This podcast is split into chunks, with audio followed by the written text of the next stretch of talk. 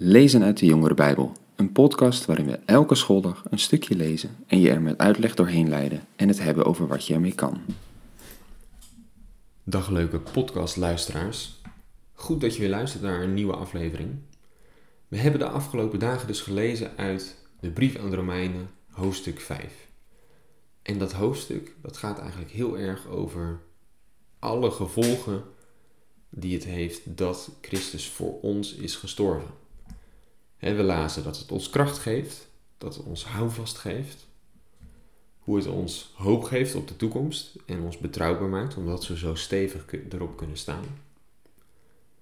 En we hebben ook gelezen dat het niet alleen voor ons gevolgen heeft, maar voor iedereen. we lazen de vergelijking.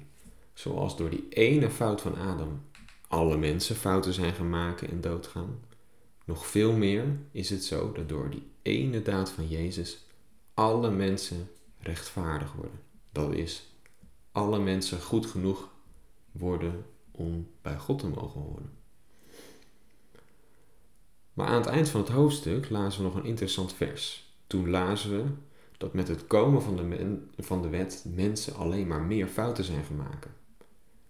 In vers 20 stond: Maar waar de zonde, de fouten, toenamen, werd de genade alleen maar overvloediger. Omdat we meer fouten gingen maken, werd het cadeautje van God dat wij het niet verdienen, maar eigenlijk gratis, zonder dat we er iets voor hebben gedaan, bij Hem mogen horen. Dat cadeautje werd alleen maar groter, want mensen gingen meer fouten maken en verdienden het dus nog minder. Nou, dat betekent dus dat uh, de genade, het cadeautje, groter wordt. Maar dan kan je dus ook denken, hoe meer fouten ik maak, hoe groter het cadeau van God. Kan ik er dan dus gewoon lekker op losleven? Nou, precies die vraag, die pakt Paulus gelijk aan in hoofdstuk 6. Laten we maar lezen. In vers 1 zegt hij: Betekent dit nu dat we moeten blijven zondigen om de genade te laten toenemen? Dat in geen geval. Hoe zouden wij, die dood zijn voor de zonde, nog in zonde kunnen leven? Ja, jammer. Misschien niet het antwoord waar je op gehoopt had. Uh, dit is geen vrijbrief om maar gewoon alles te mogen doen.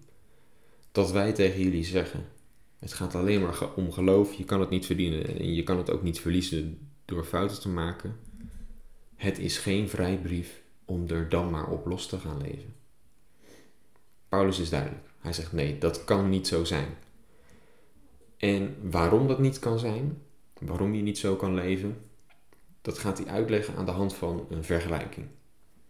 Hij gaat het vergelijken, ons leven, met sterven en opstaan. En dat bedoelt hij niet letterlijk. Het gaat niet om letterlijk doodgaan en weer levend worden. Maar waar het eigenlijk om gaat is, als je tot geloof komt, heel vaak verandert dan je manier van denken. Je gaat andere keuzes maken. Je gaat anders in het leven staan. Het is bijna alsof je een oud leven had voordat je ging geloven. En nu een nieuw leven hebt waarin je andere keuzes maakt, andere dingen doet. Het is bijna alsof het oude leven is gestorven toen wij tot geloof kwamen. En we zijn opgestaan in een nieuw leven. Dat is de vergelijking die Paulus maakt. Laten we maar eens kijken hoe hij dat zegt in het vervolg. Als we verder lezen, dan staat er: Weet u niet dat wij die gedoopt zijn in Christus Jezus, zijn gedoopt in zijn dood? We zijn door de doop in zijn dood met hem begraven, om, zoals Christus door de macht van de Vader uit de dood is opgewekt, een nieuw leven te leiden. Als wij delen in zijn dood, zullen we ook delen in zijn opstanding.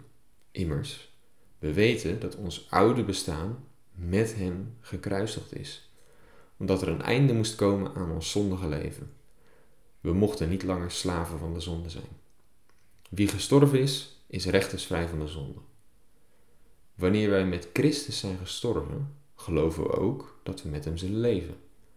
Omdat we weten dat Christus, nu hij is opgewekt uit de dood, niet meer sterft. De dood heeft geen macht meer over hem. Door zijn sterven is hij eens en voor eens en altijd dood voor de zonde.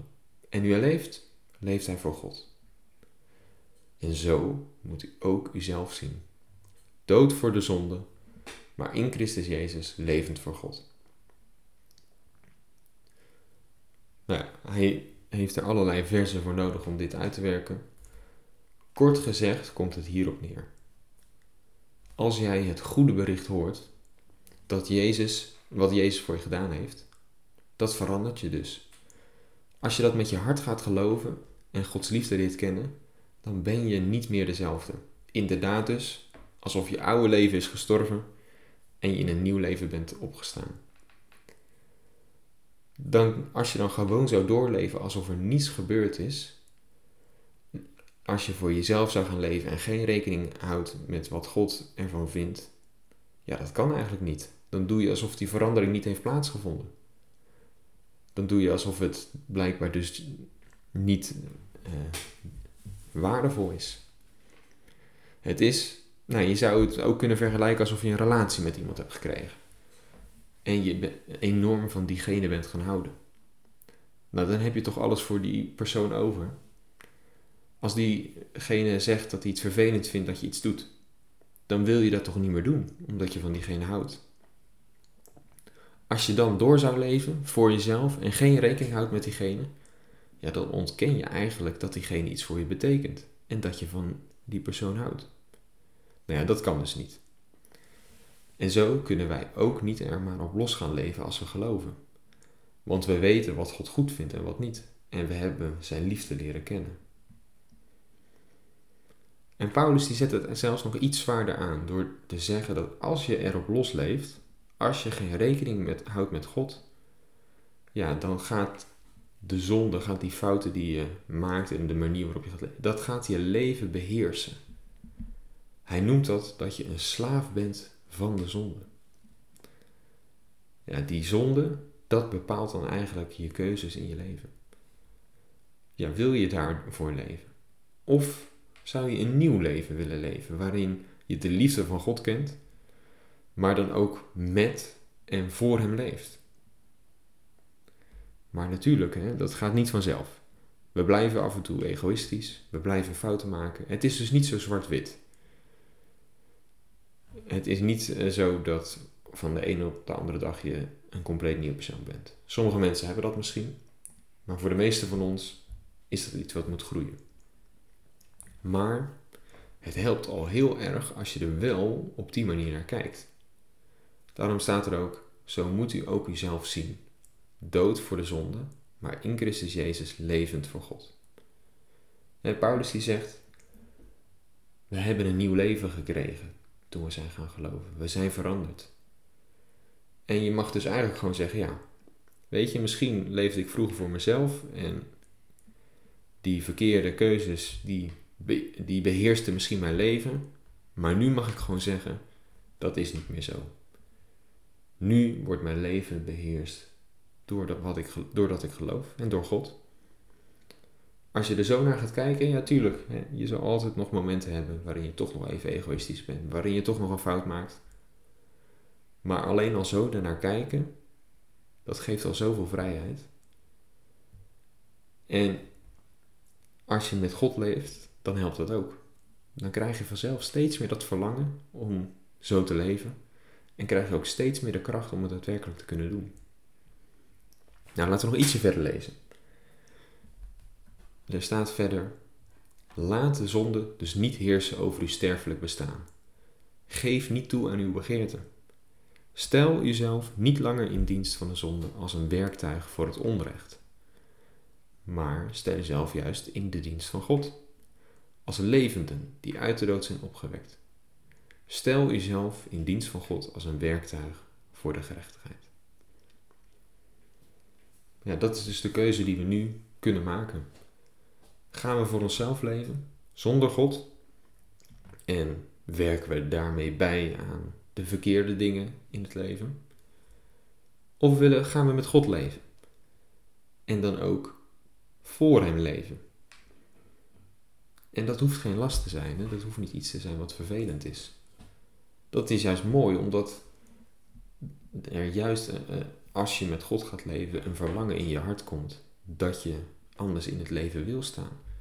En dat je gaat merken hoe bijzonder het is dat God van ons houdt. En dat zijn liefde het meer dan waard is om anders te leven. Nou ja, zo zagen we in dit stukje van uh, Romeinen 6 nog een klein praktisch staartje aan dat mooie verhaal van de afgelopen dagen. Hoe we dat kunnen uitwerken en hoe we in het leven kunnen staan als we weten dat eh, God dit allemaal zo voor ons gedaan heeft en ons gratis geeft. Iets om weer over na te denken en iets wat, waar we mee aan de slag kunnen. Dat was het weer voor deze week. Volgende week gaan we gewoon weer lekker wat verhalen bekijken en wel uit Genesis. Dus ik zou zeggen, tot dan, tot volgende week.